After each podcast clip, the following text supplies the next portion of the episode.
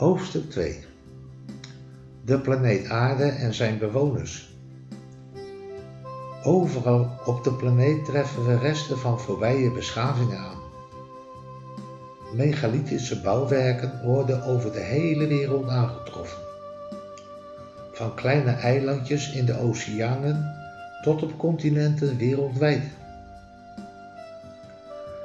De stenen zijn gemaakt in de meest bijzondere vormen, kleuren en structuren. Soms zijn ze zo zwaar dat hijskranen van deze tijd ze niet kunnen optillen. Deze stenen zijn met de grootste precisie tegen en op elkaar aangebracht, zonder dat er een millimeter ruimte tussen is. Pyramides bevinden zich over de hele wereld, ook op de bodem van de oceanen.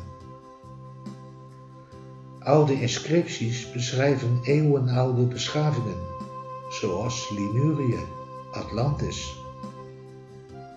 De oude Sumeriërs hadden veel wijsheid verkregen van de goden die hen op aarde bezochten en noemden hen zij die van boven kwamen. Ze zeiden dat een thuisplaneet Nibiru was. Die draait om een donkere ster met de naam Nemesis. Nemesis draait weer om hun zon. Nemesis is dus hun tweede zon. Er was tussen planeet Mars en de planeet Jupiter een hele grote superplaneet met de naam Maldek. Maldek had een indrukwekkende beschaving en was vele malen groter dan de planeet Aarde. Een andere grote planeet die in een baan om Nemesis heen draaide, raakte ten volle de planeet Maldek aan. Maldek brak in stukken en ze zijn te herkennen als de asteroïdengordel. In de loop der tijden kwam een aanzienlijke hoeveelheid water op de planeet Aarde terecht en veroorzaakte verschillende vloedgolven.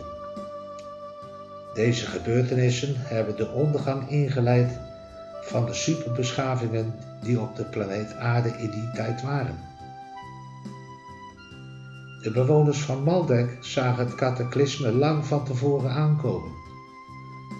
Ze bouwden een vloot van enorme ruimteschepen. Sommigen van hen waren wel 2300 kilometer groot en bevatten prachtige gebouwen, parken, met glooiende heuvels, met kristalheldere waterbeekjes en zelfs meren. Daar wonen de mensen van Maldek. Het leven is zo aangenaam. De meeste mensen die daar wonen, beseffen nog niet eens dat ze in een ruimteschip leven.